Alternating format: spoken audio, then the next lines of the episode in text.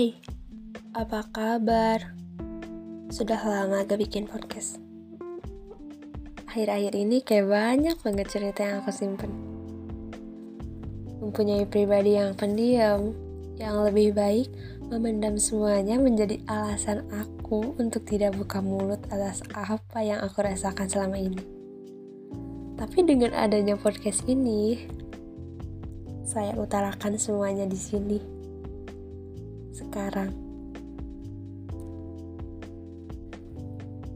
Episode ini mungkin mewakili perasaan semua perempuan hebat di luar sana. Untuk perempuan yang lagi tidak baik-baik saja atau sering merasa insecure, aku katakan pada kalian, tidak apa-apa untuk merasakan hal itu semua.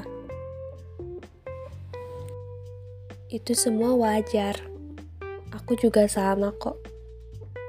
Kadang ya, aku juga suka mikir. Ada gak sih orang yang benar-benar tulus? Yang benar-benar treat me like a queen? Egois memang, dan gak tahu diri berpikiran seperti ini sekarang. Padahal, di sisi aku, ada orang yang mungkin tulus sayang sama aku. Tapi, ya begitulah perempuan hobinya mencari penyakit. Jadi nih ya, aku tuh tipikal orang yang diem. Aku tuh diem gitu, tapi aku merhatiin semuanya. Gak mau negur orangnya, tapi tiba-tiba aku berubah aja gitu. Itu di luar kendaliku. Gak pernah ada pikiran buat berubah, tapi entah kenapa aku selalu ngerasa diriku berubah atas sesuatu yang aku tahu. Tapi itu tidak berlangsung lama sih.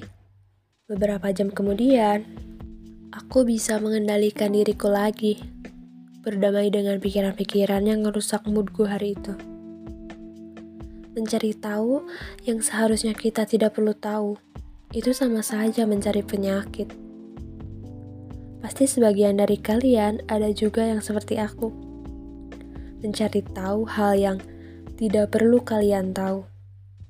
Karena pas tahu hal tersebut, kayak yang nyesek banget gak sih? Ujungnya tuh kesel sendiri gitu. Overthinking terhadap suatu hal yang belum tentu pasti. Mengikuti kata hati dan feeling yang memang terkadang selalu tepat. Perdebatan antara hati dan pikiran yang tidak pernah selesai Capek ya? Capek gak sih? Menangis sampai sakit kepala is another level of pain. Ternyata, memilih untuk tidak melihat apa yang membuat hati kita sakit itu baik. Sampai gimana ya? Aku tuh sekarang sampai di titik di mana aku masrahin semuanya padanya. Kayak yang ya Allah, aku ikhlas gitu atas apa pun yang terjadi nanti. Kayak ya lo atur gimana aja deh baiknya gitu. Berbicara tentang mencintai makin lama makin ngerti kalau level tertinggi mencintai adalah ketika sudah ada di tahap menerima dan memaklumi sifatnya. Bukan lagi tentang kapan sih berubahnya? Tapi tentang oke okay, ya udah. Dia memang begini orangnya bukan juga tentang harus ngomong berapa kali lagi biar kamu ngerti. Tapi tentang, oke, okay, kalau kamu gak ngerti, aku ajarin. Kayak yang mikir, kita tuh udah dewasa, udah bukan waktunya apa-apa dijadiin masalah. Harus lebih memahami dan mengerti bahwa tidak ada orang yang tidak punya kekurangan.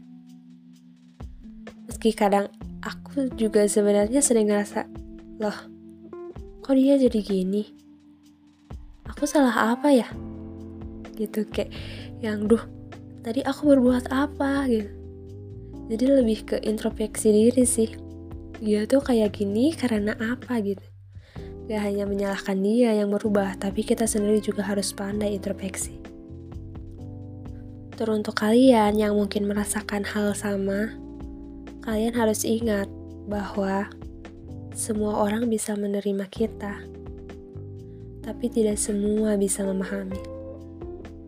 Untuk yang sedang lelah dan merasa sedang tidak baik-baik saja, nikmati dulu derai tangis itu. Terima dulu kegagalan itu. Hidup memang tak harus baik-baik saja sepanjang waktu. Ada saat yang sulit dan berat yang harus dilalui. Kamu manusia biasa. Terbatas itu biasa.